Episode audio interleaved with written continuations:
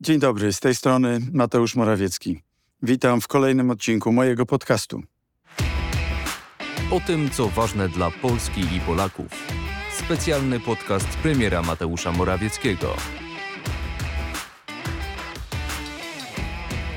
Planując ten odcinek jeszcze w trakcie świąt, zastanawiałem się nad podsumowaniem mijającego roku.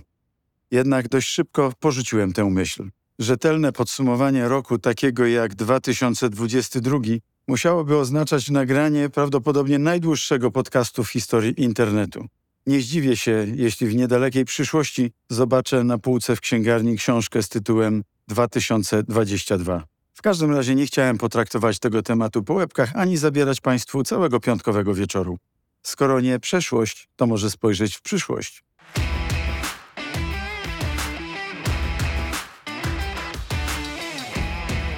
Jak często bywa w takich przypadkach, koło ratunkowe rzuciła popkulturę. Święta to luksus bycia z rodziną i relaksu, między innymi wspólnego oglądania filmów. Problemem okazał się w przypadku mojej rodziny wybór filmu. Naprawdę nie był łatwy. Biblioteka produkcji z tego roku przyprawia o zawrót głowy.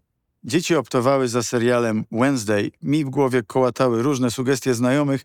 Ostatecznie zwyciężył kandydat żony Glass Onion, film z serii Na noże i bezkonkurencyjny Daniel Craig. Wiadomo. Niedawny James Bond gra tu detektywa Benoit Blanc, współczesne wcielenie Herkulesa Poirot.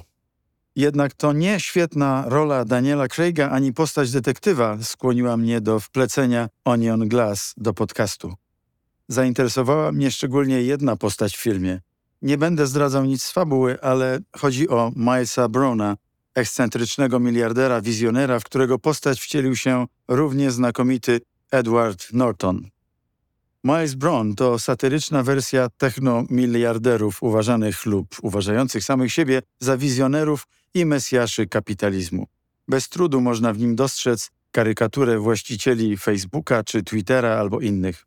Zresztą zaraz po premierze przez media przelała się fala dyskusji na temat tego, czy Onion Glass jest czy nie jest o Elonie Masku. Sam reżyser filmu, pytany w wywiadach o tę analogię, zaprzeczał, puszczając jednocześnie oko do rozmówców. Czy Brown to Musk? Nie mnie to oceniać. Co innego wizja miliarderów, wizjonerów manipulujących opinią publiczną przy pomocy swoich mediów, aplikacji, kupionych polityków czy celebrytów influencerów. To obraz, który może i powinien niepokoić, a także zastanowić się nad rolą, zaangażowaniem politycznym i odpowiedzialnością za słowo biznesowych geniuszy ery dotcomów. A ci wypowiadają się nader chętnie w sprawach niezwykle ważnych dla całych społeczeństw i krajów, często nie biorąc pod uwagę mocy swoich słów.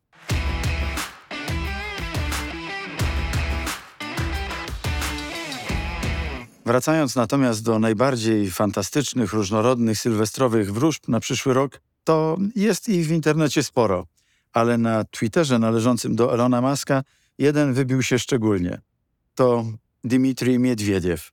Były premier i prezydent Rosji nie po raz pierwszy wcielił się w rolę internetowego trola i przedstawił swoją dziesiątkę.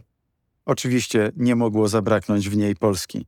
Otóż według Miedwiediewa wespół z Węgrami zajmiemy w przyszłym roku zachodnią Ukrainę, by za chwilę stać się częścią czwartej Rzeszy Niemieckiej, a następnie zostać podzieleni w wyniku wojny z Francją.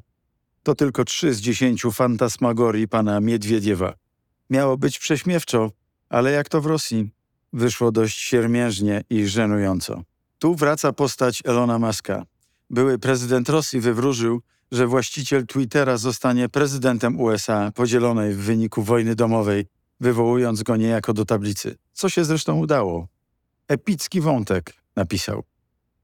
Założyciel Tesli i SpaceX jest bez wątpienia jedną z największych postaci współczesnego świata. Nie chcę umniejszać jego osiągnięć i znaczenia. Chcę tylko zwrócić uwagę na to, że przed wielkimi ludźmi stoi wielka odpowiedzialność. Cytując słowa detektywa Blanc z Glass Onion, niebezpiecznie jest mylić mówienie prawdy z gadaniem bez zastanowienia. Jego działania w zakupionym niedawno Twitterze budzą już ogromne kontrowersje po obu stronach Atlantyku. Świat potrzebuje przedsiębiorców, wizjonerów. Jest wiele przykładów tego, jak dobrą rolę mogą odgrywać w tworzeniu lepszej przyszłości. Tacy byli chociażby Ignacy Łukasiewicz czy Nikola Tesla.